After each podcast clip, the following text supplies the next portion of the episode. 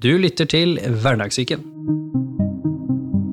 I denne episoden skal vi snakke om kostnaden av psykisk helse, og ikke minst se på hele psykisk helsevern og helsesystemet, sammen med sjølveste Lars Lien, og da se på hvordan vi rett og slett kan bedre helsesystemet, og se på de gode tingene som vi kan dra bedre nytte av. Velkommen tilbake til Hverdagssyken, og velkommen for første gang til deg. Tusen takk. Nå har vi spilt inn intro allerede, så de vet hva vi skal snakke om. Men hvem er nå du for en kar, da, til de tre som ikke har fått med seg hvem du egentlig er? jo, takk. Eh, nei, jeg heter Lars Lien. Eh, jeg er eh, hedmarking. Eh, så jeg er eh, en veldig alminnelig kar. Eh, men jeg er utdannet av lege, spesialist i samfunnsmedisin og psykiater. så leder jeg for tiden Norsk psykiatrisk forening. Mm. I tillegg så er jeg professor på Høgskolen i Innlandet. Det er det vi kaller eh, hedmarsk ydmykhet? Det er det det heter. Ikke sant? Forsiktig. Ja. Mm. Mm. Um, det vi syns er litt spennende, er å bli litt godt kjent med fagpersonene våre, og kanskje mm. få litt forståelse for hvor kommer motivasjonen deres fra. Så mm. hva var det som gjorde at du begynte å studere medisin in the first place, for å ta den første trinnet når du var yngre? Mm. Kan vi ta en kort eller en lang versjon? Du, kjør på med den lange, du. Ja, det er ikke det. Nei, altså Poenget var at jeg studerte, eller jeg gikk på videregående skole, og så studerte jeg økonomi. Så planen var jo å gå på Handelshøyskolen. Uh, jeg fikk uh, inngangsbillett til Handelshøyskolen. Og så var jeg i militæret, og så kommer det en eller annen tanke om at er dette så veldig morsomt å studere økonomi? Og ja, i det hele tatt litt sånn her, hva annet kunne jeg finne på? Og så var det selvfølgelig da noen venner som hadde begynt å studere medisin, og så sa jeg at det var veldig morsomt. Mm. Ja vel, da prøver vi det. Og så ble det et år da med å ta det fagene manglet. Så du var rett og slett litt der at du ikke helt Typisk sånn klassisk, ja, visste ikke helt hva du skulle visste bli. Visste rett og slett ikke hva jeg skulle bli. Altså, jeg hadde bare noen tanker om at jeg skulle bli direktør. Hmm. Som, som, vi alle er. Det, det, du hadde som direktør, er i dag hypen med å bli CEO eller entreprenør? Ja, det, er det det er det der. Hmm. Så det var liksom, det var liksom drømmen, egentlig. Ja. ja. Og så kommer du inn i medisin, det virker jo som det var spennende, men på et eller annet tidspunkt her så sklir du inn i at kanskje ja. det er enda mer spennende i det psykiske helsefeltet? Ja, men det, egentlig så var ikke studiet så veldig spennende. Jeg likte egentlig ikke så veldig godt den kliniske delen. Heller ikke så veldig mye den basale delen. Men det som, det som var spennende, det var forebygging, eh, samfunnsmedisin, eh, forholdet mellom samfunn og sykdom. Mm. Um, Hva som gjorde at du tenkte det? Husker nei, det var, det var, nok litt sånn her altså, Jeg, jeg, jeg, jeg syns ikke det var så veldig spennende, egentlig, å liksom, enkeltindividets sykdom. Det var liksom mer samfunnets totale sykdomsbyrde og hva som påvirker. Så det var litt filosofi der? ja, Henrik. absolutt. absolutt. Og så var jeg så uheldig holdt jeg på å, si, å lese en bok av Ivan Illich. Mm. Uh, som uh, heter noe sånt som uh, 'De viktigste årsakene til død i verden'. Og da var det det er krig og sult, og så kommer legemiddelindustri og helsevesenet på en tredjeplass knyttet til dette begrepet iatrogene sykdommer, som var nytt for meg, og som var et veldig spennende begrep. Og hva betyr det? det betyr legepåførte eller eh, sykehuspåførte sykdommer. Hm. Det er ganske mye, ja. Det er, det er kommet mye. ganske mye dokumentasjon om nå, fra, selvfølgelig ekstra fra USA. Det er det. Men det hvordan det. dette har blitt skapt, og også trist, men sant, litt skapt med vilje. Absolutt. absolutt, absolutt. Så jeg tenker at det, Og det gjorde jo selvfølgelig at motivasjonen for å studere heller ikke ble så veldig stor. Uh, ja, og sånn sett så var det jo da naturlig altså Jeg begynte med samfunnsmedisin da etterpå. Det vil si jeg reiste til Finnmark og var der i tre år. Ytterste Nøgnø i eh, Kjøllefjord på Nordkinnhalvøya. Sikkert noen som hører på derfra. vet du. Ja, det hadde vært veldig spennende. Det er veldig morsomt å treffe mennesker derfra. lenge siden jeg var der, men det, det er alltid morsomt. Og så dro jeg til Namibia og var i Afrika i to år. Hva som fikk deg til å ønske å komme ut av den store verden? Nei, det, det er, jeg har noen sånne her, altså sånn bucket lists. altså sånn her, altså Jobbe for WHO var liksom en av disse bucket lists-greiene. Og så fikk jeg anledning da, til å jobbe for WHO i Namibia.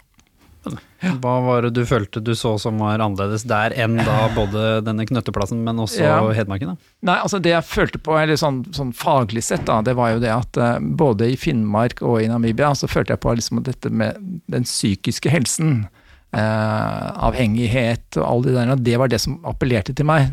Ikke så mye av det andre. Eh, så jeg tenkte at eh, jo, dette, dette, er spennende. Men igjen liksom litt mer sånn befolkningsbetydningsfulle eh, ved det. Ja. Så kommer du hjem igjen, og så tenker vi når er det psykiater eh, blir liksom din vei å gå her?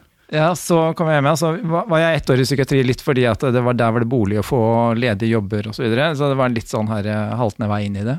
Uh, men jeg hadde egentlig, for å ta liksom historien litt tilbake uh, så hadde jeg egentlig bedt til Gud før eksamen og sagt at jeg skal bli psykiater hvis jeg består eksamen. Uh, og siden jeg gjorde det, så følte jeg liksom at jeg måtte liksom bevege meg inn mot det på et eller annet vis. Kommer og tar deg hvis du ikke ja. Uh, nei, men uansett, så, så, det som Så jeg var ett år i psykiatrien, men så fikk jeg da jobb som direktør.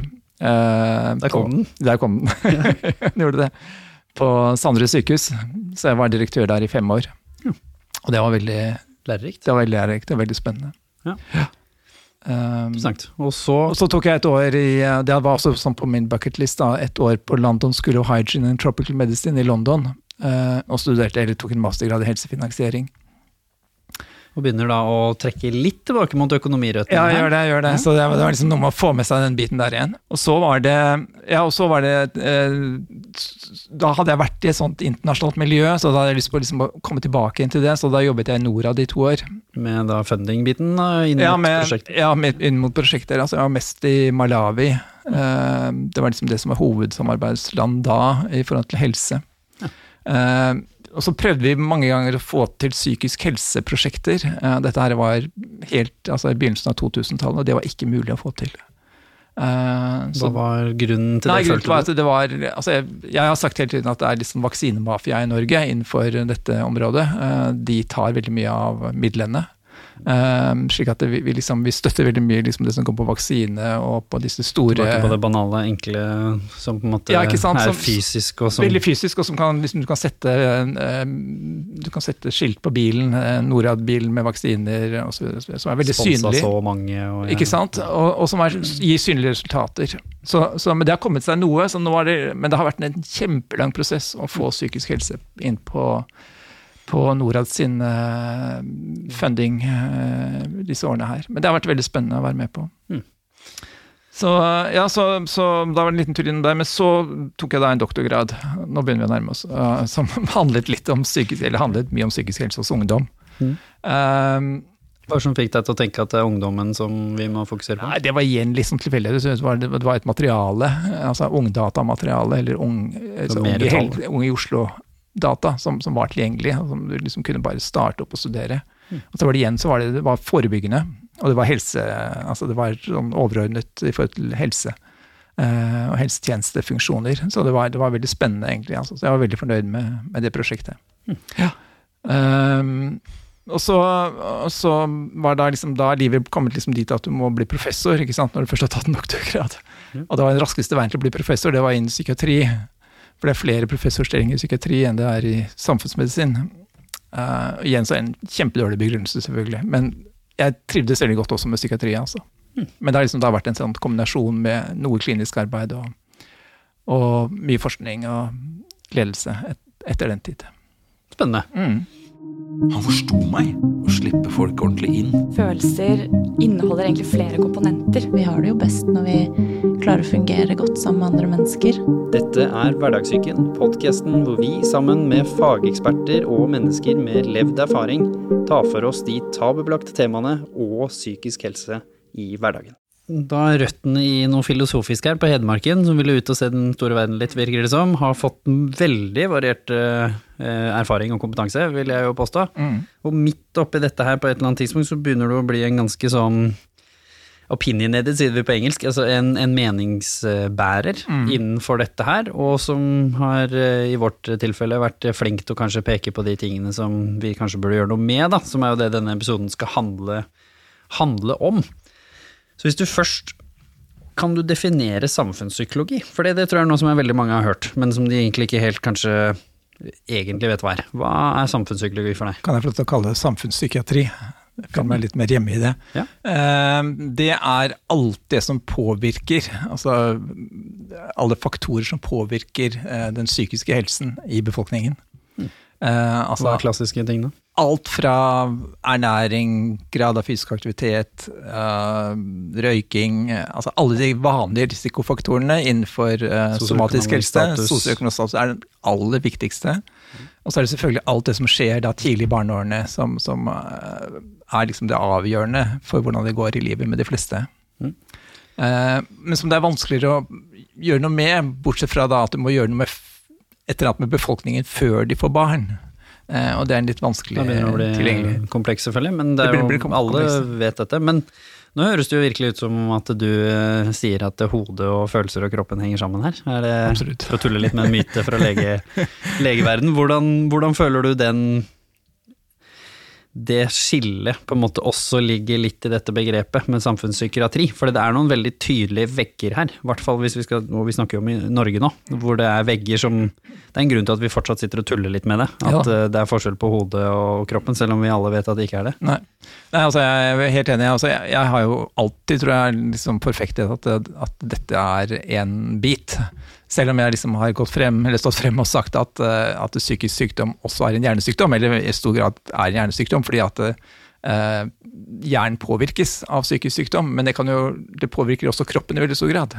Eh, gjennom, altså det vet vi jo veldig mye om i forhold til, til hormoner, i forhold til eh, eh, alle substanser som ellers rører på seg når vi opplever angst eller depresjoner osv. Spesielt over Dette, spesielt over tid.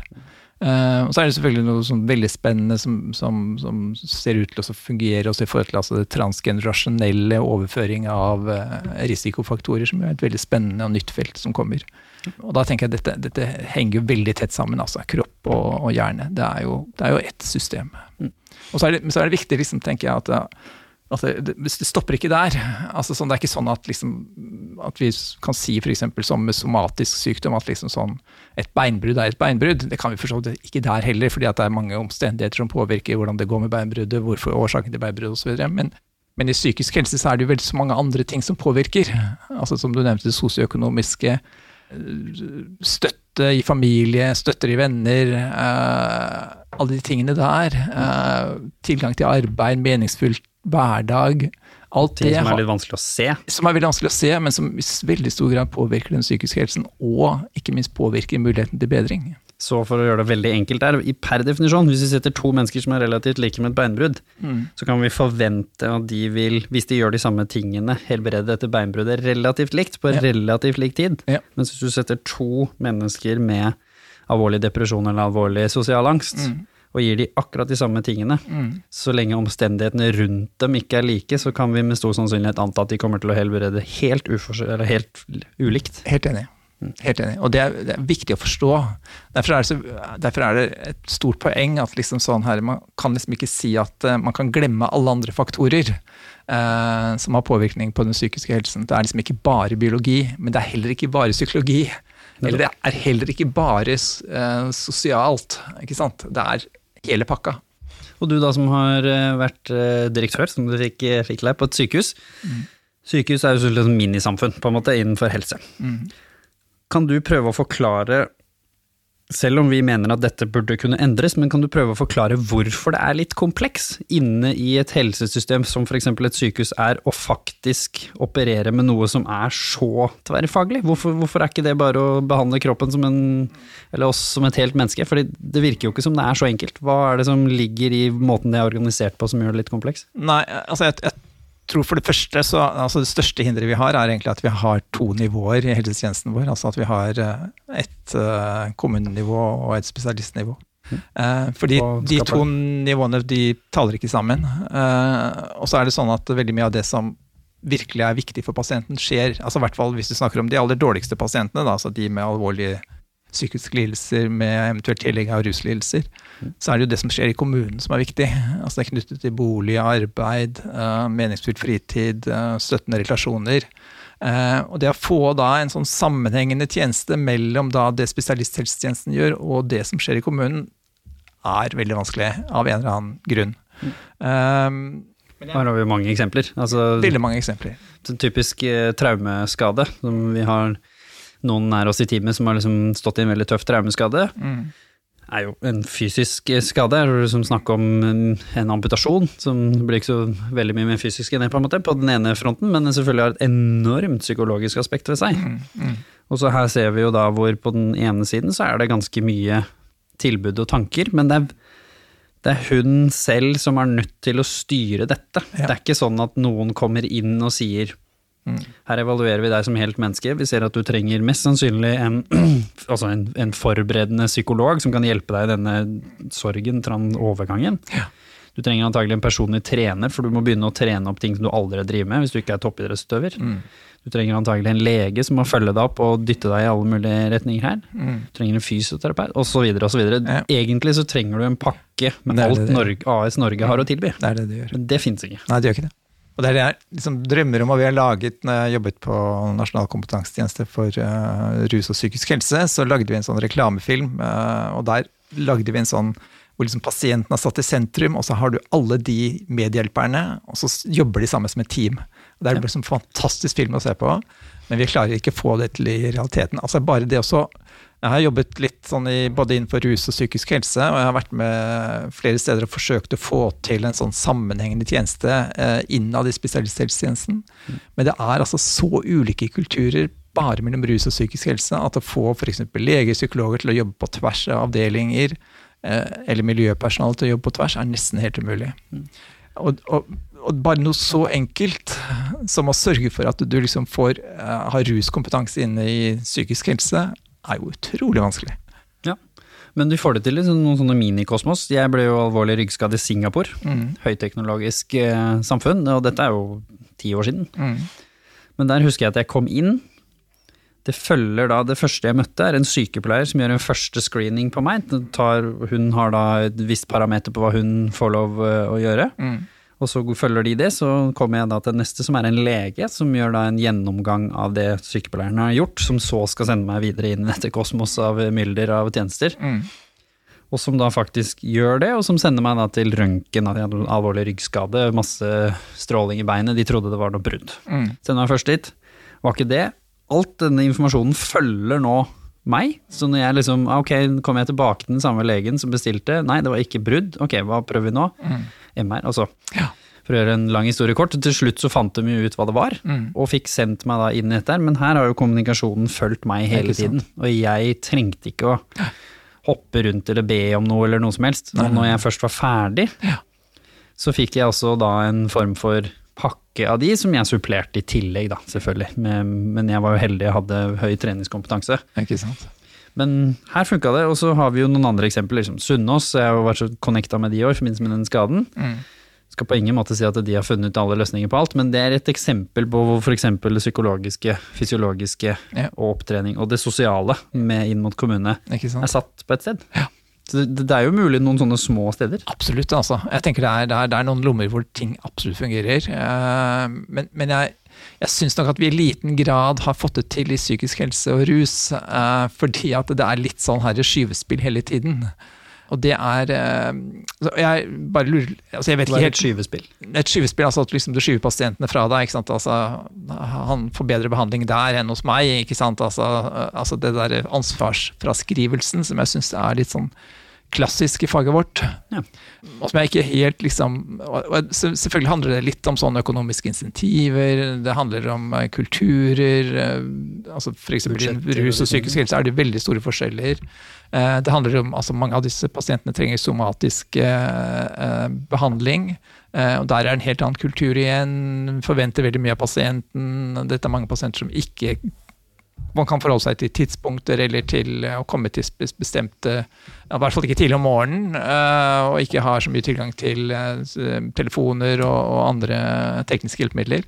Slik at det er, det er liksom sånn, vi, vi klarer liksom ikke å lage disse pakkene.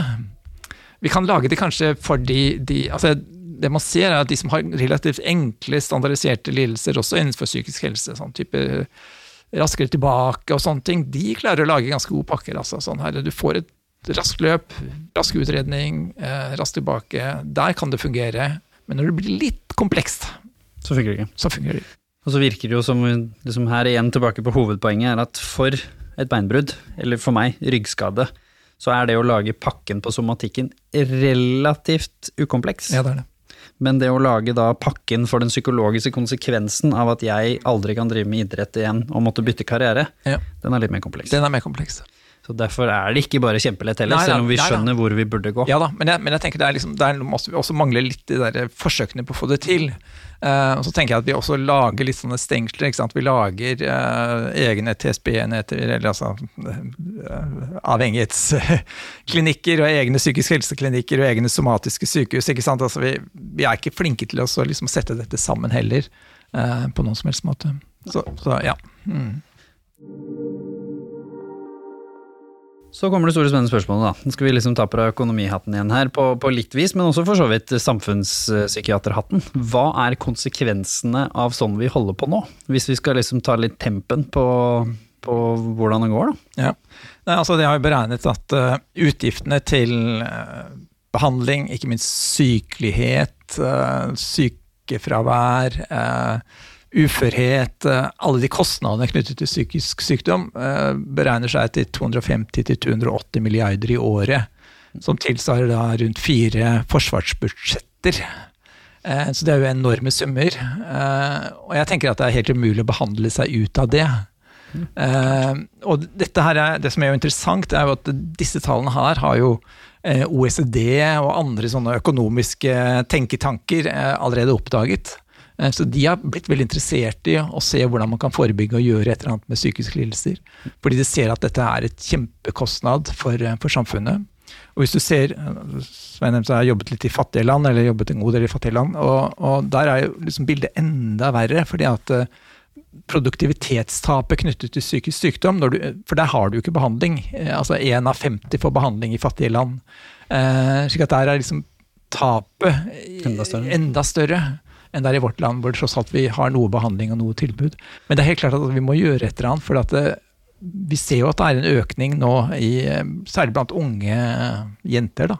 Eh, og jeg tror at eh, hvis vi ikke liksom finner på noe lurt, eh, så, så, så lager vi en litt sånn syk eh, Ja. befolkning på sikt, eh, som vil ha store behov. Så er det jo liksom noe som det som jeg har snakket mye om også, som er litt hva slags pasienter, mennesker, kommer inn til hjelpen. Mm. Fordi på fysisk helse, ikke sant, en bestefar hadde fått flis i fingeren, var eh, tøffest av de tøffe, ikke sant. Ja. Hadde ikke noe problem med å gå og spørre bestemor han om å få ta ut den flisa. Nei. Og selvfølgelig var ikke den som gikk oftest til legen, men var det ille nok, så gikk den til legen. Mm. Mens utfordringen for oss på psykisk helse, kanskje spesielt på menn, hvis vi skal se på selvmordsstatistikken, Mm. er jo at det er veldig alvorlig når jeg først kommer. Så jeg har jo trukket noen sammenligninger til kreft. Da. Men jeg har sagt ok, hvis du skulle målt hvor på kreftskalaen disse menneskene ligger ofte, når de kommer til spesielt til spesialistbehandling, da, Mm. Så snakker vi at du antagelig er et eller annet sted mellom grad 3 og grad 4 av kreft. Altså det er svært lav sannsynlighet for overlevelse. Og da snakker jeg ikke om overlevelse innenfor psykisk sykdom, men da snakker jeg om at du faktisk skal kunne Mm. bli kvitt denne psykiske lidelsen helt. Mm. Den er veldig lav, fordi du har latt det gå Ja. forferdelig lang tid. Ja. Så hva tror du liksom ligger i strukturene hos oss som gjør at det å søke hjelp, også selv om vi har dette fantastiske helsesystemet, er så vanskelig for oss? Det er klart at Der er det liksom forskjell på kvinner og menn. Eh, bare som en sånn litt sånn sidebemerkning. altså Innenfor rus og avhengighet så er det litt motsatt. altså Da er det kvinner som ikke søker hjelp. Ja. Eh, og i disse undersøkelsene jeg har gjort av eh, pasienter som er innlagt da, i, innenfor rusfeltet, så er altså kvinnene er også mye dårligere når de er innlagt enn For de er jo veldig stigmatisert igjen. Fordi- Ekstremt stigmatisert å være til behandling for eh, rusproblemer hvis du er kvinne. Og det er, klart, det- og det er liksom, liksom speilbildet av hvordan det er i forhold til kvinner og menn også med psykisk sykdom.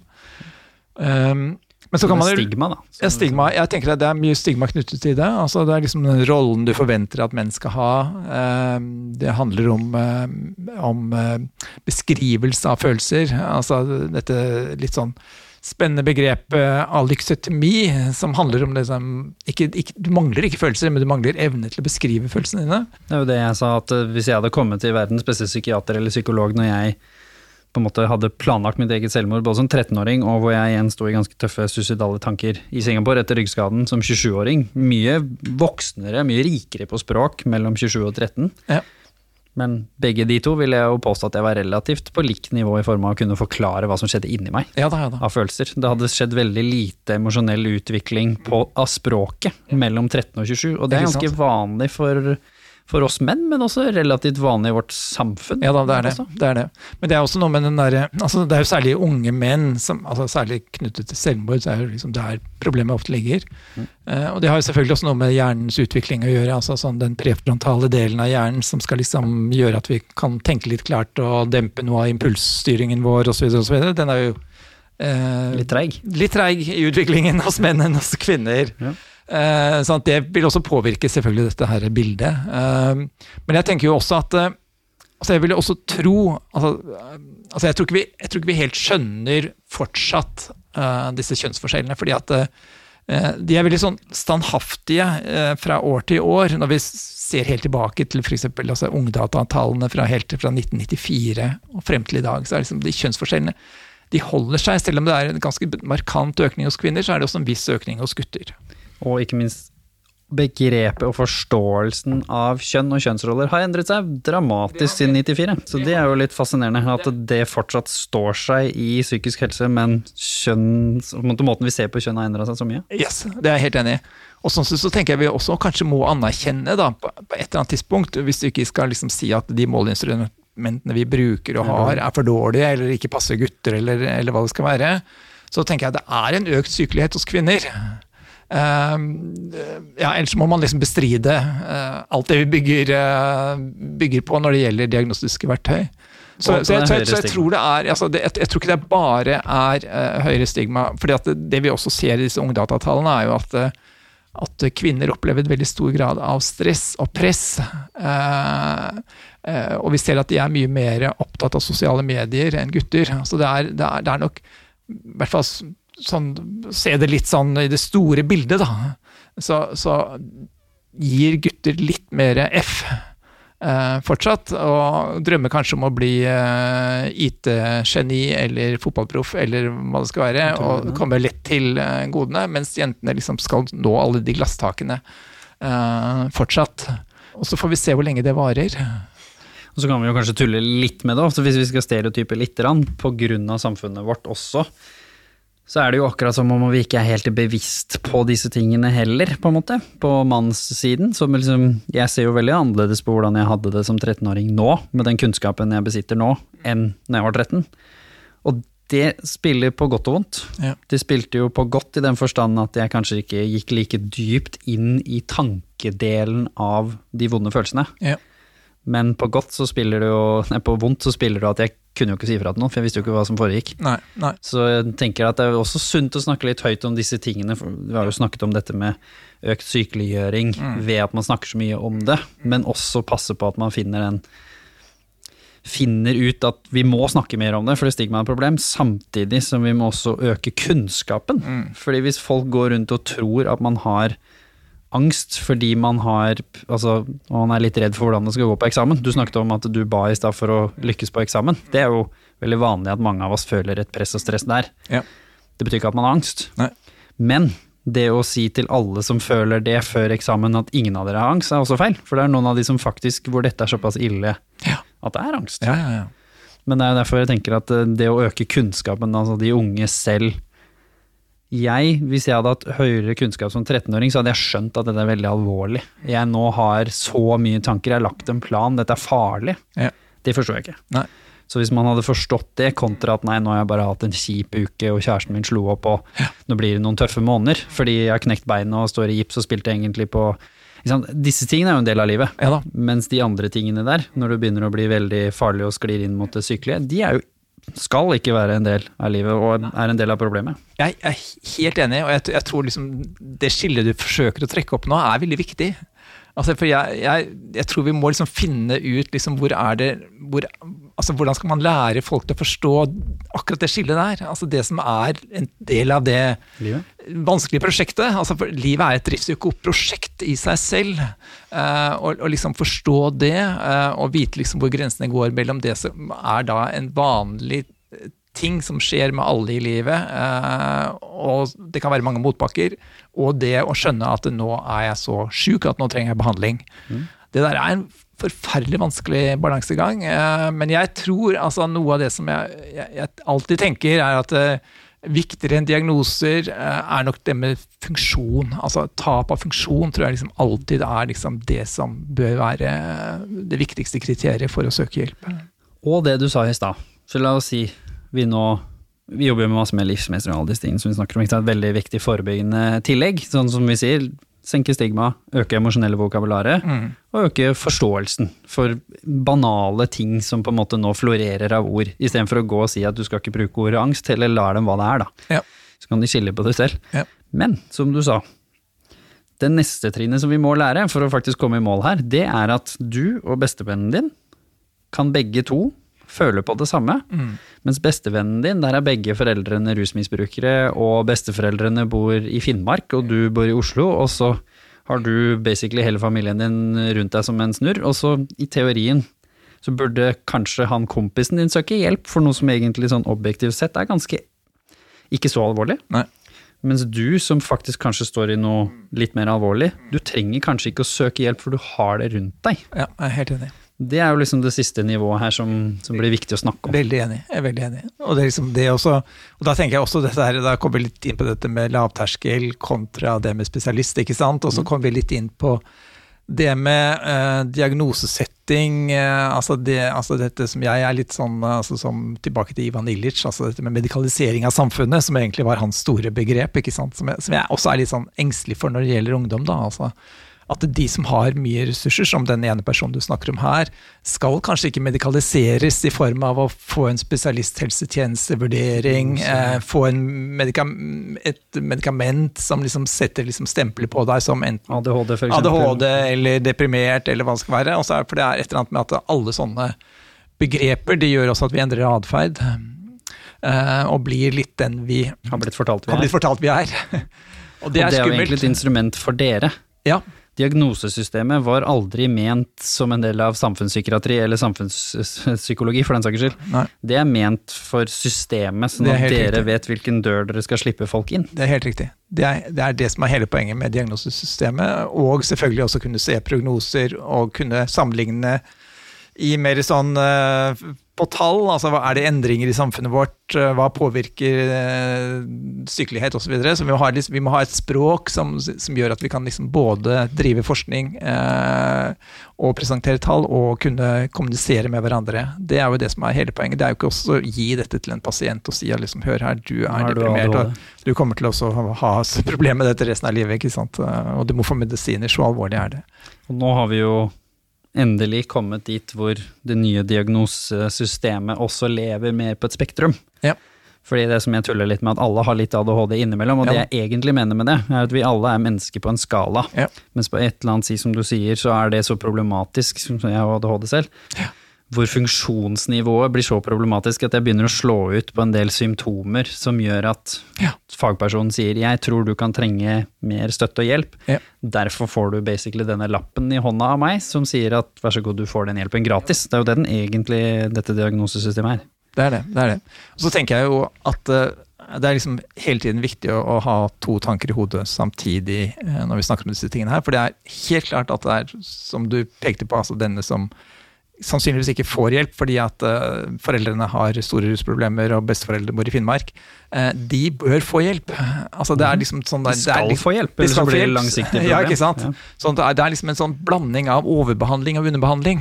Mm. Og det må vi liksom kunne tåle å ha i hodet eh, på en gang. For Eh, likhet er ikke det samme til alle. Nei, det er ikke det. Og det er kjempeviktig. Altså, vi må tenke på likhet og equity og finne ut hva som er riktig nivå. Det er altså ikke at alle skal liksom ha, være på likt, men det er liksom å gi den som trenger det mest, mest behandling.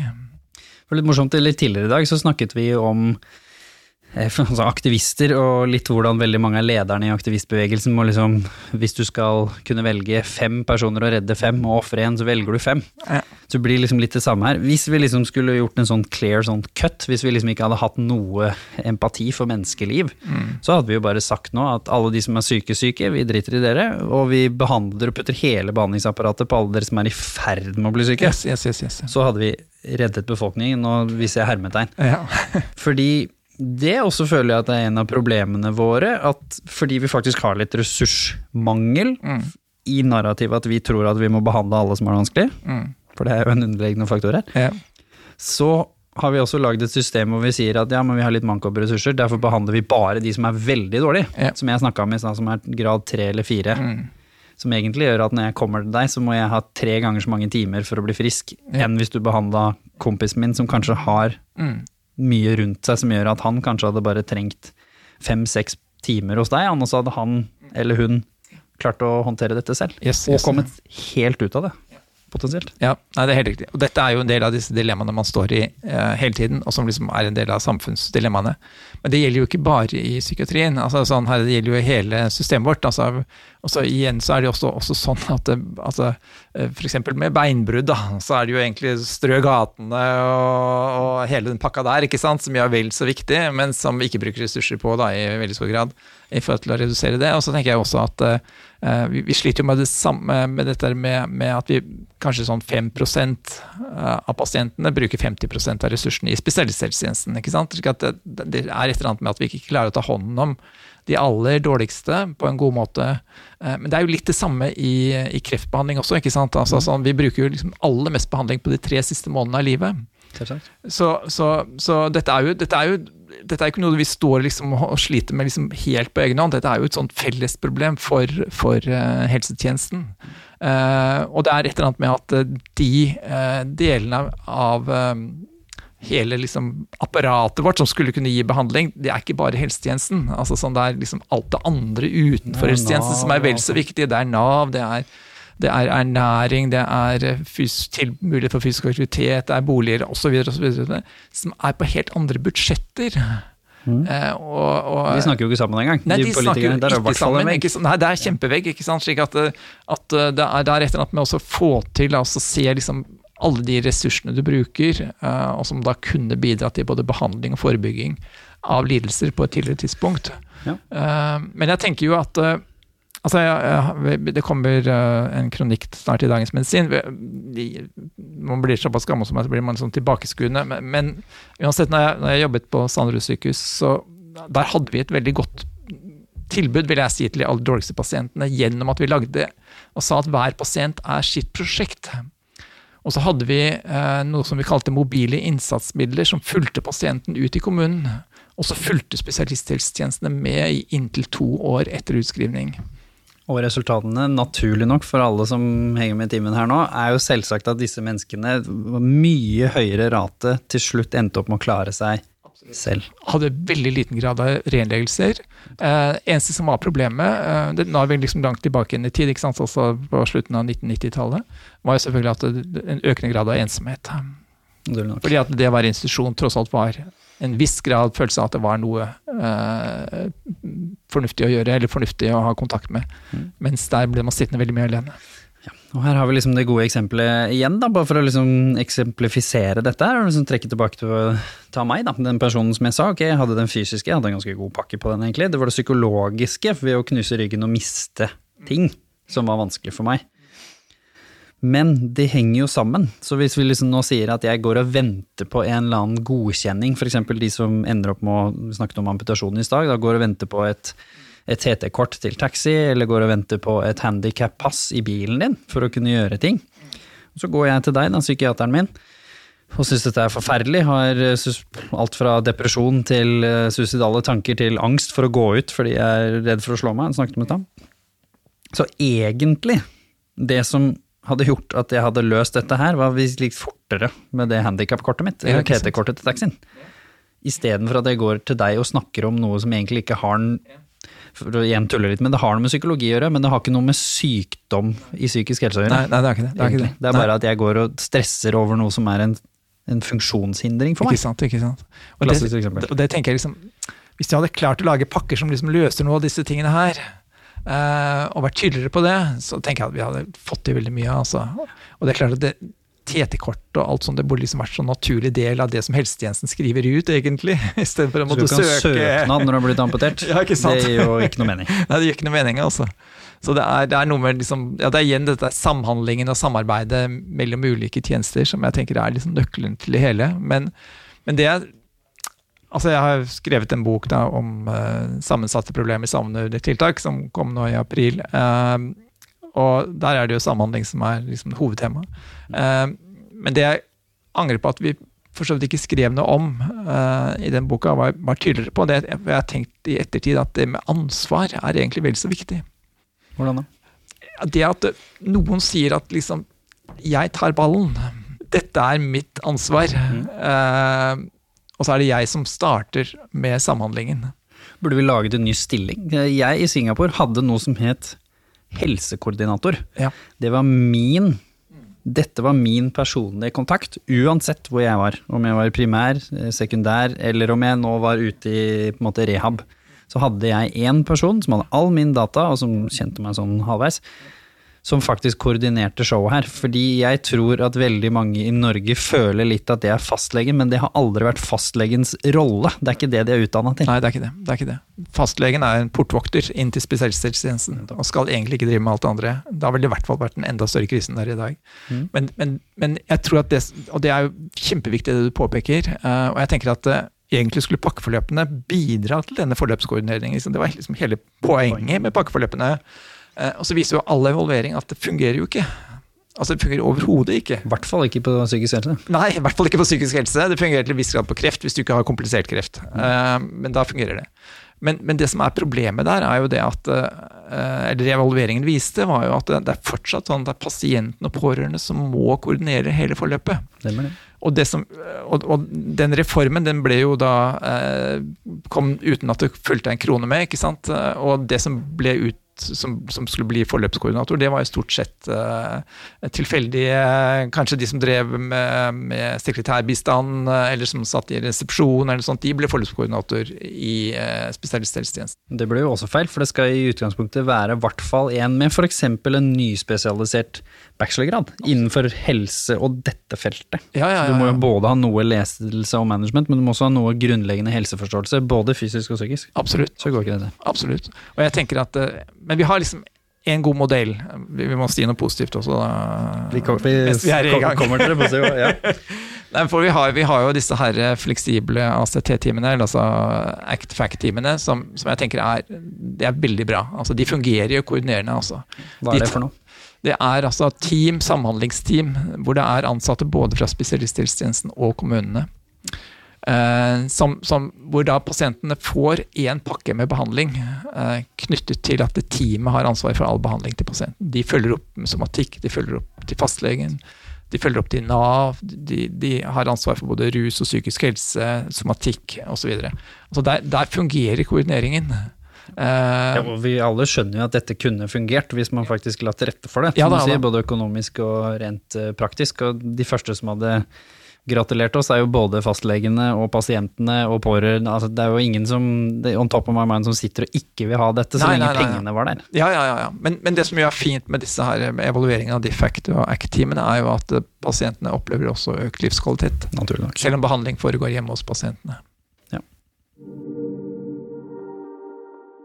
Så kommer vi til det store, spennende temaet som vi snakket om i stad. Altså, du har jo sett mye av utviklingen her også, som du sa. Du har et uh, godt levd liv, som gjør at du også har sett at det som var psykisk helse, psykologi, er helt annerledes forståelse nå enn det det var. Før så var det mer da med psykiske lidelser, altså rus var jo basically halve det feltet. Og så har dette her sakte, men sikkert utviklet seg på samfunnsforståelsesnivå. Men systemet har ikke nødvendigvis utviklet seg så mye. Det har utviklet seg litt. Rask psykisk helsehjelp, du var inne på det i stad. Men når de nå snakker om selvmordsforebygging, det er omtrent nesten det eneste det har vært snakka om i de siste fem åra, og at vi skal forebygge psykisk helse for unge, det er liksom to brennhete temaer.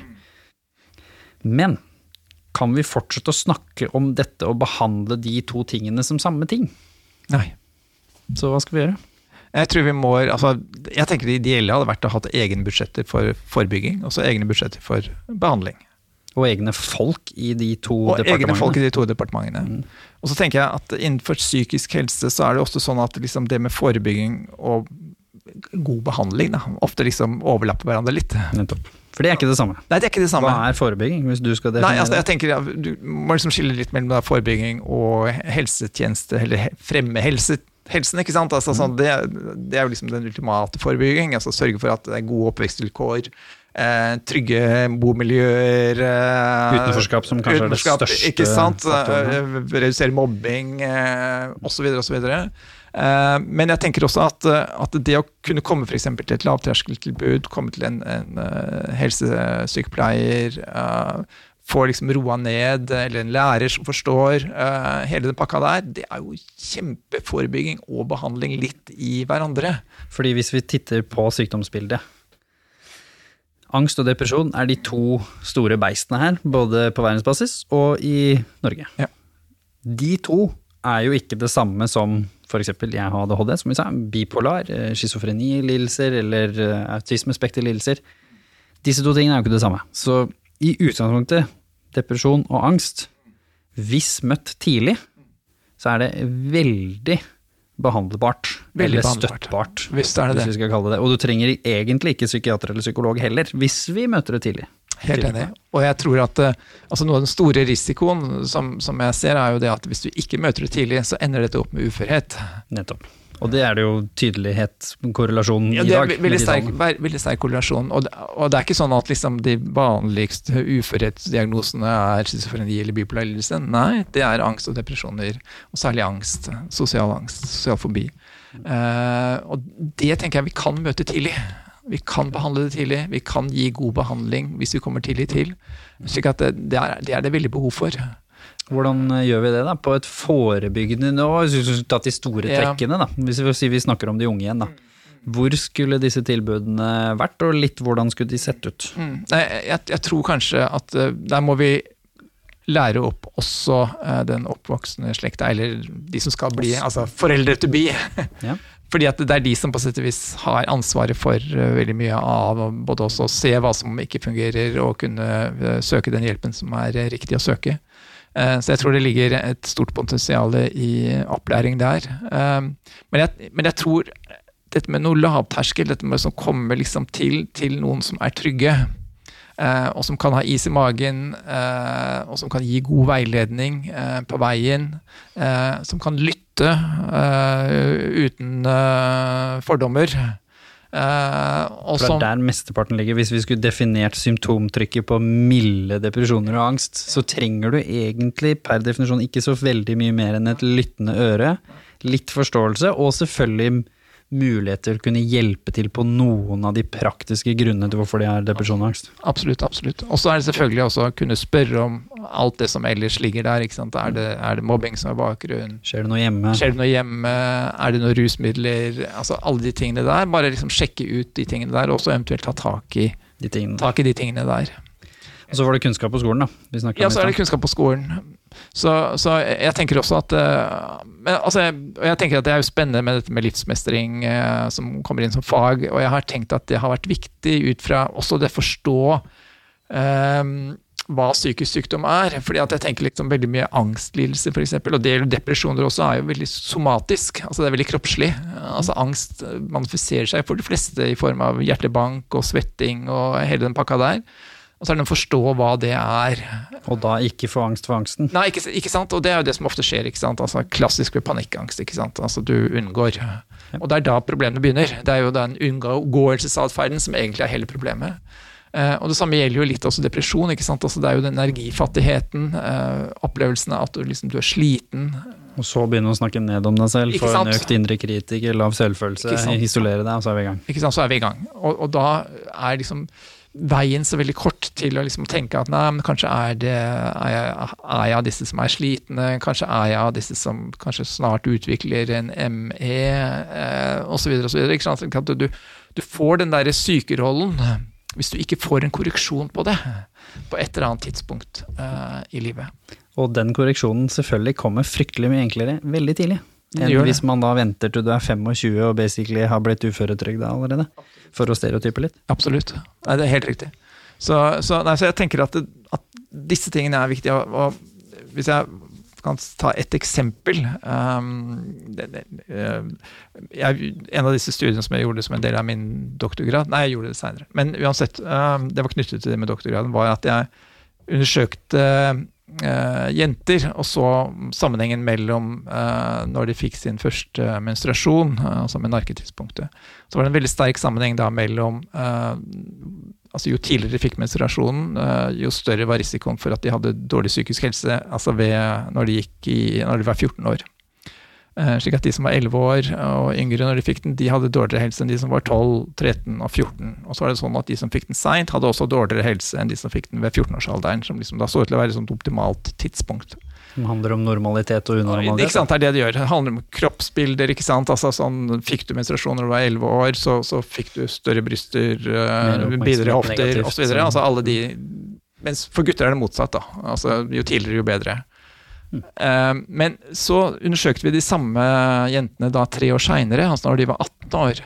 Og så i hvilken grad da tidspunkt for uh, første menstruasjon hadde noen betydning for psykisk helse uh, i 18 år. Da var alle forskjeller visket ut. Som var det vi snakket om i stad, at livet korrigerer seg selv litt hvis vi ikke alt. Det er akkurat sant. Det er akkurat sant. Da, da tenker jeg liksom, Hvis da liksom disse her som er 11 år og får det her, og opplever at livet er en dritt, ikke sant, inntil de andre også kommer på samme nivå med meg, og det ikke er noen kloke mennesker som kan si at liksom, hør her, du er litt tidlig ute nå, men dette går bra. Mm. Det har Lars Lien vist i sine studier, eller et eller annet sånt rart. ikke sant? Øke perspektivet, for det er det vi snakker om. Ja, det er det vi snakker om. Hvor viktig er det? Fordi det har jeg sett som noe som går igjen. Perspektivet utvikles veldig sent. Vi gutta er litt treigere enn de andre, men liksom det er i midten av 20-åra, stort sett, hvor vi har da et ferdigutviklet perspektiv. Det som var så fascinerende, hvis jeg tenker tilbake nå, og sammenligne med vel, Jeg har jo snakka med fryktelig mye mennesker om dette her å slite når man er ung, med et perspektiv som er veldig underutvikla.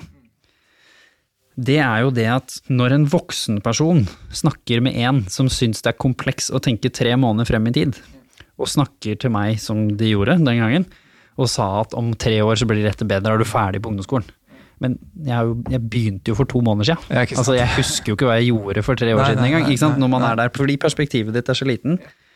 Så jeg tror også det trengs en viktig på en måte opplæring av de som skal møte dem, men jeg tror også vi må ta inn over oss det generasjonelle gapet, og også passe på at de som kanskje skal støtte denne ungdommen, ikke er 55 på denne rollen, fordi gapet blir da så stort. Og jeg tar meg selv i det nå, når jeg snakker med noen av de i teamet som er litt yngre. Og så tar jeg meg selv i bare sånn Det du sa nå, det sier du fra ditt 35 år utviklede perspektiv. Det der er faktisk feil ting å si til den personen, fordi det går ikke inn på riktig måte. Helt riktig. Og det er lett å falle i den fella når du er helsesykepleier eller lærer eller mamma eller pappa. Kjempeviktig. Eller bestefar eller bestemor. Kjempeviktig. Og det er nå har vi startet et prosjekt på Høgskolen i Innlandet. Ja, vi har fått penger fra Helsedirektoratet for rett og slett å ansette studenter Nettopp. Så vi skal drive veiledning av studenter som selv skal snakke med studenter. Eh, og det tror jeg på. Altså det, jeg tror du har veldig godt poeng. Altså. Du må snakke med noen på din egen alder. Ish, i hvert fall. Ikke sant? Ja, sånn som har da litt kunnskap, som du sier. Litt kunnskap, og som er trygge og gode å snakke med. Eh, og som kan også få litt veiledning underveis på liksom å skille mellom eh, the real stuff uh, og ikke fake, men altså det som ikke trenger behandling. Ja, og det er jo det som gjør psykisk helse så kompleks, er at ingenting er fake. Det er subjektivt opplevd. Så det er jo det jeg skulle si og har sagt til noen politikere, hvor de liksom litt lett sklir inn i det sporet. Da, ikke sant? Spesielt hvis de er litt eldre og kanskje har litt harde tanker om det. hvor bare, ja, men de er ikke sykere, de bare, for det er selvrapportert, ikke sant? hvis vi f.eks. snakker om SHoT-undersøkelsen. Så sier jeg til dem ganske sånn tydelig, så sier jeg tror du foreldrene til noen som har mista noen til selvmord, bryr seg om du hadde gitt dem en diagnose eller ikke? Nei. Konsekvensen er den samme og det setter jeg jo på spissen for å make a point, og det er at hvis vi fortsetter å sykelig... Eller ikke sykeliggjøre, stussliggjøre dagens unge og sier at nei, dere bare finner på, da skyter vi oss sjøl i huet og lurer på hvorfor vi blør. Ikke sant? Ja, Fordi det her er det også veldig viktig å si at hvis den personen opplever denne situasjonen som sosial angst, som vi var inne på i stad, så selvmanifesterer du det på et eller annet vis psykologisk. Så den eneste veien ut av dette er jo det vi var inne på nå, som faktisk er at de selv må faktisk vite forskjellen på sosial angst og at jeg er veldig stressa for eksamen. Da begynner det å skje ting. Det hjelper ikke at en pappa kommer og sier du har ikke sosialangst du, gutten min. Du, det er bare god gammel, ikke sant. Du får ikke noen mindre symptomer dagen etterpå likevel, hvis du ikke da tar det innover deg. Nei, det gjør ikke det. det, gjør ikke det. Men samtidig, uh, for å si noe som kanskje uh, oppleves som litt galt, men jeg prøver likevel. Fordi jeg, det jeg opplever sånn nå rundt denne her lærerstreiken, for å være helt uh, dagsaktuell Det liker vi. Ja. Uh, så lurer jeg litt på når eh, da en del rektorer går ut og sier at eh, ja, eh, pga. streiken er det mange som kommer på akuttavdelingene på BUP. Rådet for psykisk helse går ut og sier leirstreiken må slutte, dette går ut over ungdommene. Overdramatiserer ja, altså, altså spørsmålet mitt er litt mer sånn her, og det, og det, det Uten å liksom bli dømmende, eh, verken overfor de som opplever dette som virkelig alvorlig, eller for de ungdommene som sliter. Men jeg lurer på hva gjør vi egentlig med ungdom ved å si at en, en lærerstreik er så dramatisk for deg at du, at du trenger hjelp? Liksom. Ikke sant? Hva, hva, gjør det med liksom forst, vår egen forståelse av Gjør du det samme under covid? Ja, ikke sant. Samme, men, jeg, men jeg tenker også, hva gjør vi for å styrke? Altså, Hvordan bygger vi opp resiliens? hos ungdom, gjør vi det ved å si at liksom sånn, alt utenfor livet ditt nå, det er så skummelt at uh, hør her, dette, dette, dette kan gå kjempedårlig. Her tror jeg vi er inne på det som du snakket om tidligere, da, at alle har en egen hatt. Alle har en politisk agenda, og på samme måte som diagnosesystemet egentlig er ment for fagfolk, og ikke er ment for at 13-åringer eh, skal snakke sammen om å finne ut hva de har. Så er det heller ikke meningen at ungdommen skal høre det der. Men da blir man litt perspektivløs, tenker jeg. Så kan dere ikke ta det på kammerset? Kan ikke dere si det til de to som forhandler, og si hei, hør nå her. Nå drar vi ikke dette ut, fordi konsekvensene er faktisk mer enn bare deres eh, lønn, som selvfølgelig er viktig, og skal ha respekt for underbetalte mennesker. Men si det der. Det var det samme som jeg snakket om når eh, det utvalget fra myndighetene hvor, eh, hvor Peder presenterte dette, og selvfølgelig av medier som ønsker clickbait, tok ut et brøkdel av det han sa, og tok et bilde av han med brillene på nesa hvor du, han ser veldig da boomer ut, ikke sant, ser gammeldags ut, og sier basically at ungdommen er ikke sykere, de bare føler det sånn. Det er jo ikke det som er kjernen i det han egentlig mente, eller utvalget mente, men fordi vi har et system hvor mediene på toppen av dette bare velger et lite krums, akkurat som dette her, velger da den ene tingen som ble sagt av en rektor, og kaster det ut. Rådet for psykisk helse har lyst til å få oppmerksomhet, bruker da det. Som egentlig også trengs, men jeg tror veldig mange ikke tenker før de gjør sånne ting. Samme som influensere da som, som er med på å sykeliggjøre hvis man snakker om f.eks. da eh, symptomer og hvordan sosial angst er når man ikke har kunnskap om det. Og som vi snakket om, da kan det jo hende at mange av de som følger dem, føler å ja, men jeg har jo litt av det samme, kanskje jeg. Ikke sant? Og da er vi inne på det som politikerne og voksenfolk er redd for. Det er jo ikke det at det ikke skjer. Det er bare at vi må ikke la det bli hele sannheten. Så jeg er helt enig med deg. Hvordan skal vi snakke med de om dette står vi i, men hvilke verktøy må vi ta opp nå? Jo, nå må du ha nettverket ditt. Nå må vi titte litt rundt oss. Er det noen av vennene mine som faktisk ikke har familie? Som ikke har venner? Da begynner vi å snakke. Ja, da begynner vi å snakke. Og putte f.eks. nye tiltak, som vi gjorde under covid. Da visste vi at det var mulig. Ja, ja, da var det penger. Da er det mulig å være kreativ. Ja, ja. Ja, ja, ja. Og så tror jeg vi må snakke om sosiale medier. For, for jeg er veldig redd for disse ekkokamrene som er i sosiale medier. Knyttet til hvis du skriver depresjon eller uh, triste tanker, så går hjulet rundt. Da er det bare det du ser til slutt. Det er bare det du ser til slutt. Det går en uke omtrent etter uh, liksom mini-algoritmenerd. Jeg viser jo, Når jeg er på skoler, så viser jeg liksom morsomt sosialeksperiment, perspektiveksperiment, hvor jeg sier til dem ok, la oss si at vi i snitt har 1000 personer som vi da faktisk eh, følger eller har venner. eller ikke sant? For noen ungdommer er det mye mer, og andre er det mindre. Men det er et snitt, da. Så sier jeg at eh, det har sett eh, forskning som sier, viser at vi har 50 gode dager i løpet av et år. Som er liksom bursdagen din, ferien din, et eller annet som du ville med glede delt. Og følt deg veldig bra på den dagen. Uansett hvordan du har det i snitt. Ok, hvis du da tar de 50 og de 1000 ganger med de 1000 vennene, så deler du på 365 dager. Ergo da de 315 dagene hvor du har en ok eller dritt dag, så ser du 136,9 av vennene dine som har sin 50, hvis det var jevnt fordelt. Ja, ja, ja. Poenget er, når du scroller på din newsfeed, hvor ofte er det vi scroller forbi 100 personer? Hvor du da ville funnet noen som har en normaldag, som turte å dele det? Ja, ikke sant. Veldig sjelden. Og hva er det hjernen din da tenker når du er 13 versus jeg som er 35? Eller du som er enda eldre? Jo, 13 tenker alle andre har det bra i dag, jeg har det ok eller dritt. Jeg tenker fortsatt. Jeg er 35, så jeg tenker oi, her var det veldig mange som hadde mye mer fri og hadde tid til å dra i skauen. Jeg sitter og jobber.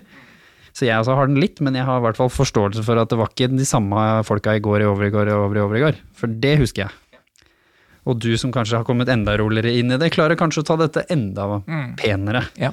Men problemet er 13-åringen som faktisk deres narrativ nå, pga. ekkokamrene og algoritmene, er alle andre har det bedre enn meg. Da er det ikke veldig langt til en veldig heavy subjektiv depresjon, potensielle suicidale Det er ikke det. det er ikke det. Og det der tror jeg er kjempeviktig å lære ungdommene. Så det eksempelet du bruker, er jo utrolig bra. Fått ganske fascinerende feedback. Det har vært folk som har sendt meg en melding nesten et år i etterkant.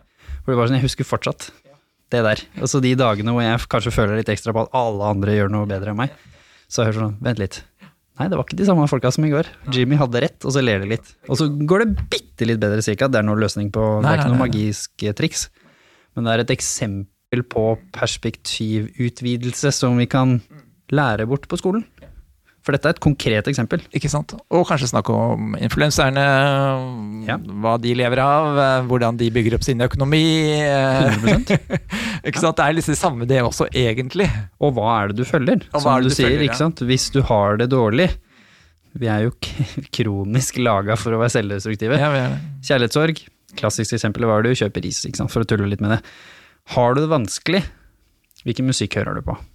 Trist musikk, ok. Hvordan vet vi det påvirker emosjoner? Jo, du blir du, Egentlig, det positive med det, du får følt det ut, men hvis du ikke snur musikken, så er du jo fortsatt å være trist. Trekker vi det da enda lenger inn i sosiale medieverden. Hvis jeg nå bare liker de tingene som får meg til å føle at jeg er ikke den eneste som er trist,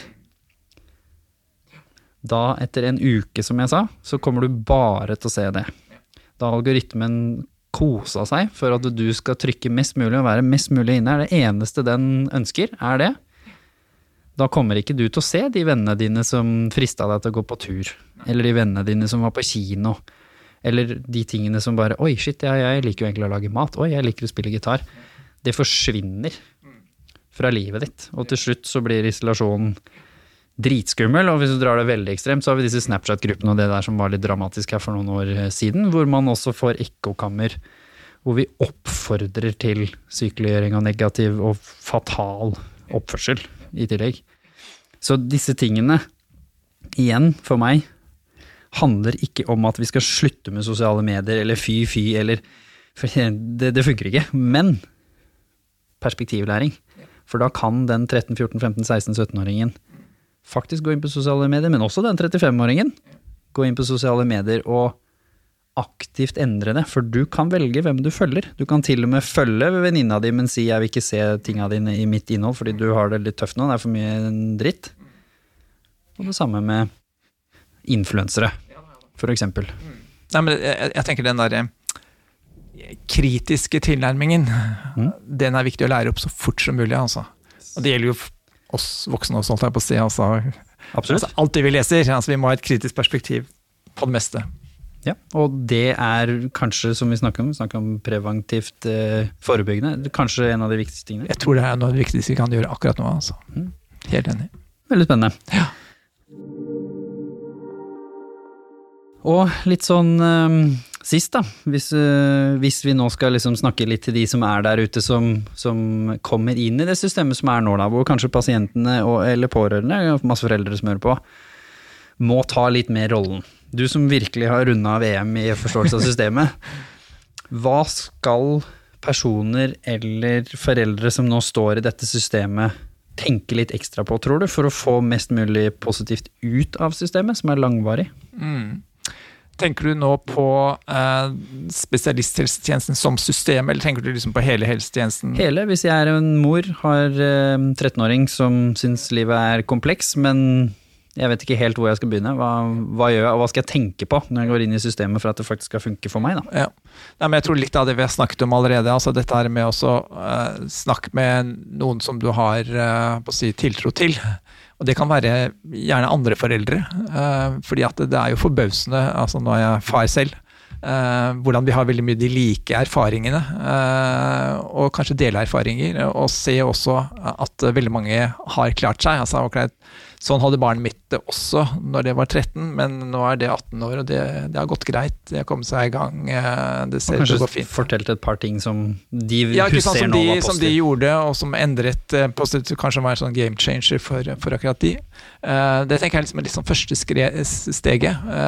Egentlig er det jo litt sånn tilbake til liksom min oppvekst hvor vi hadde altså Nabokonene var så veldig tett. altså Vi hadde mødre som var hjemme, og så nabokonene snakket sammen. Ikke hele tiden, men veldig ofte. Ofte.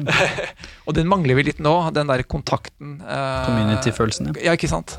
Eh, Så levd erfaring, er det Hvor viktig er levd erfaring i systemet her òg? jeg tror det er kjempeviktig. Fordi erfaringskonsulenter har blitt mer og mer poppis. Ja, ja. Hvorfor, hvorfor er levd erfaring noe annet enn fagperson, og hvorfor trenger vi begge Ja, jeg, deler? på jeg, jeg tenker at de to komplementerer hverandre så godt. Altså jeg, så jeg har, har jobbet med erfaringskonsulenter på litt sånn høyere nivå, si, eller litt sånn altså med, med, med ordentlig sjuke mennesker. Eh, og det er, jo, det er jo en drøm, fordi at liksom, de forstår så mye mer enn det jeg forstår. Altså de, de forstår liksom beveggrunnene for at pasientene oppfører seg som de gjør, som ikke jeg forstår, som jeg tolker på en helt annen måte enn de tolker det. Eh, og Derfor tror jeg det med, med levd erfaring er så utrolig viktig, men det må være på, en god måte. da. Altså Det må være liksom, det må ikke være levd erfaring knyttet til at jeg har svaret på alt, fordi at det som hjalp meg, det var akkurat de tingene her. Som er litt mer influenseren? eller Ja, ikke sant? Ikke sant? Det må være en levd erfaring som, som har et perspektiv. Og du må være litt ute av det. Og du må være ute av det. Fordi du kan ikke ha masse levd erfaring og prøve å Det er fint å hjelpe til å være frivillig og sånne ting, men du skal ikke jobbe med det hvis du selv står midt i det nå. Nei, nei, nei. Og det er et eller annet med, liksom, der med å ha liksom, sin eh, pet idea, og skal liksom forsvare den eh, i forhold til alt, og at det skal hjelpe alt, det er, kan være et problem. Men, men de erfaringskonsulentene jeg har jobbet med, har ikke det vært noe problem med. Snarere motsatt, altså. Jeg syns det har vært fantastisk. For det gir deg rett og slett et eh, ytterligere perspektiv, og broer kommunikasjonen inn til pasienten Absolutt. absolutt. Så det, er, det, det gir liksom en mulighet for å forstå andre ting. Eh, og jeg tenker også muligheten til å, for, for pasienten å forstå at eh, ålreit, denne personen han hadde jo egentlig de samme problemene som meg. nå går det bedre. Nå går det bedre. Og jeg tenker, sånn, jeg tenker også sånn øh, Noe av det mest altså Hvis jeg skulle få kreft øh, en gang i tiden, så ville jeg jo liksom tenke at det å snakke med noen som har hatt kreft, og som har kommet gjennom det og overlevd Jeg snakket med overlegen på Rikshospitalet, veldig spennende samtale, som jobbet da på den mest alvorlige avdelingen. Veldig sånn stereotyp fysiologisk fagperson med veldig research-bakgrunn, så liksom, jeg ville sagt han var ganske langt unna å være spirituell, og det, det sa han åpent selv også, og så sa han, men det er én ting, sa han, som jeg ikke kan forklare, som jeg vet er en trend, og han hadde jobba i 30 år eller noe sånt. Så han sa, de som kommer inn, og her, de fleste som kommer inn er liksom veldig syke, de fleste av dem. Ehm, Så er det folk som kommer inn her som er sånn, det er, det er ikke noe sjanse for at de overlever, på en måte, det er kun et tall. Som tusler ut herfra. Og så er det folk som kommer inn her med relativt gode overlevelsesprognoser, og som dør. Og så sa han det eneste jeg har sett, da, sa han, som er noe som jeg kan kalle en trend, det er at de menneskene som har et håp og et ønske om et eller annet mer i livet, er de det går best med. Som går jo tilbake på den psykologiske kraften av å tro at det kommer til å gå bedre. Så som du sier, er jo selvfølgelig også da lettest overførbar fra en som har opplevd det selv. For jeg husker jo når min Jeg hadde en av de beste kirurgene i hele verden. Jeg var veldig heldig på dette sykehuset i Singapore. En kjempekjent eh, kar som opererte meg. Og jeg husker han satt og babla om statistikken om eh, sannsynligheten for å bli frisk, og hvis jeg gjorde det og det, og det bare rant inn det ene øret og ut det andre, enn da jeg prøvde å følge med. Men den gangen jeg fikk snakka med noen som faktisk hadde stått i det selv, det hadde en helt annen kraft. Jeg trodde jo på det. Jeg, jeg kunne ikke lyve til meg selv, jeg kunne ikke hoppe opp i offerrollen, for det står jo et menneske rett foran meg som sa de hadde den samme skaden for fem år siden, og nå gjør de X. Det er litt vanskelig å argumentere mot ekthet foran Absolutt, deg. Mye absolutt. lettere å argumentere mot tall, for du sier ja, men da er jeg de fem prosentene da, som ikke kommer til å klare meg. Ikke sant? Det, det er fortsatt mulig. Ja, ja, ja, ja. Men altså, det er jo litt sånn det, det, det menneskelige ved oss. ikke sant? Altså, det er mye bedre å se virkeligheten enn å prøve å abstrahere en eller annen sånn prosentmulighet for overlevelse. Hvis jeg møter deg som et menneske som har kommet deg gjennom det, det være seg kreft eller psykisk sykdom. Det er klart at det er virkelig håpsdannelse. Altså. Burde det vært en del av uh, utdanningen? Burde vi hatt mer av den forståelsen hos uh, de helsepersonellene vi har? Burde de f.eks. som jobber med amputerte, sett eller snakket med folk med lederfaring osv. Ja. de samme i rus og psykisk helse? Fordi hvis Ja, du ja, kommer fra et godt, eh, vanlig hjem Det er selvfølgelig mange med lederfaring som jobber i helsevesenet, men de som ikke har det det er litt vanskelig, som du sier, å møte en pasient som har en helt annen livsbakgrunn enn deg, og egentlig tolke dem riktig. Ja. det som jeg tenker er jo at vi ikke trenger å gå så langt heller, fordi at i hvert fall innenfor psykisk helse så er de fleste av oss har jo levd erfaring. altså vi har Ja, det er jo gjerne derfor, derfor vi spør hvorfor begynte dere å studere. ja, ja, ja, ja, ja, ja. Men det, altså, man har jo som regel et eller annet i bagasjen, eh, smått eller stort. eh, og jeg var i Nottingham, som er liksom et av de sykehusene som har kommet lengst med sånn recovery-baserte tilnærming. Og som har, hadde 50 erfaringskonsulenter ansatt på sykehuset. Eh, og de sier nå at nå trenger vi at de ansatte selv kan ha begge funksjoner. ikke sant? Fordi det er så mange av de ansatte som også har levd erfaring, så hvorfor ikke bruke den? Og at lønna di egentlig bør være todelt. altså Det du gir i forhold til din fagkunnskap, og det du gir i forhold til levd erfaring. Og ikke minst at fagpersoner da kanskje skal For der var, snakker om skiller, der har det vært beinhardt skille. Ja. Har du levd erfaring, så da er det nesten fy-fy å si det i et eh, For å liksom dramatisere litt, da. I et rom og si 'jeg også har hatt selvmordstanker' til en pasient som har hatt selvmordstanker. Det, det har jo vært en sånn, det er jo ikke lov. Mens nå er det en litt sånn eim av at jo, kanskje, men på denne måten. Ja, jeg er helt enig. Men det er også viktig å ufarliggjøre. altså Selvmordstanker, det går vi med alle sammen. Masse som har hele tiden. Ja. Helt naturlig. Det hører til liv. Ja, det hører til liv. Sånn eh, helt til sist. eh, Hvis du skulle vært eh, holdt på å si diktator for en dag, for statsministeren for en dag, det hjelper jo ingen, får ikke gjort noe som Nei, helst. Så hvis du skulle vært diktator for en dag, hva hadde vært det første du hadde eh, gjort noe med? Jeg ville gitt en eh, god, egnet bolig til alle som sliter mest i eh, samfunnet vårt.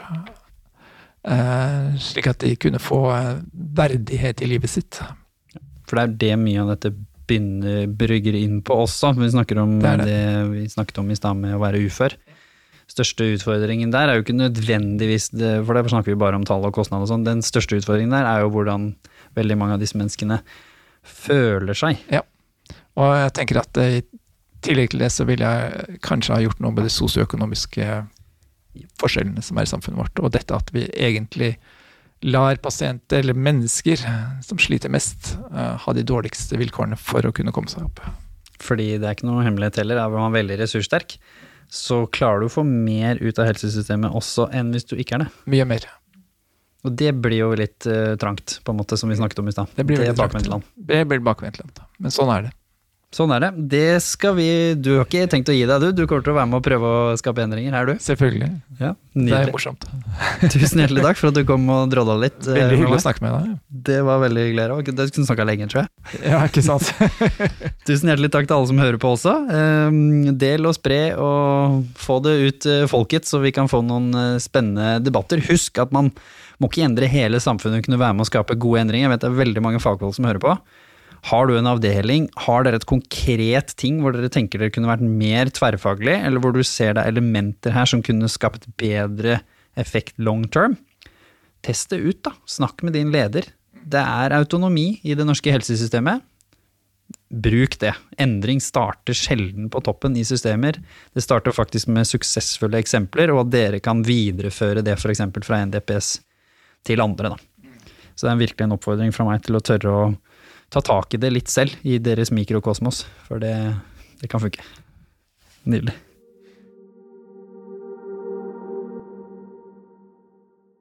Denne episoden er laget av vår kjente og kjære klipper Kristin Engvald Halvorsen, og ikke minst eh, i redaksjonen Annika Heen Larsen og Katrin Allaug.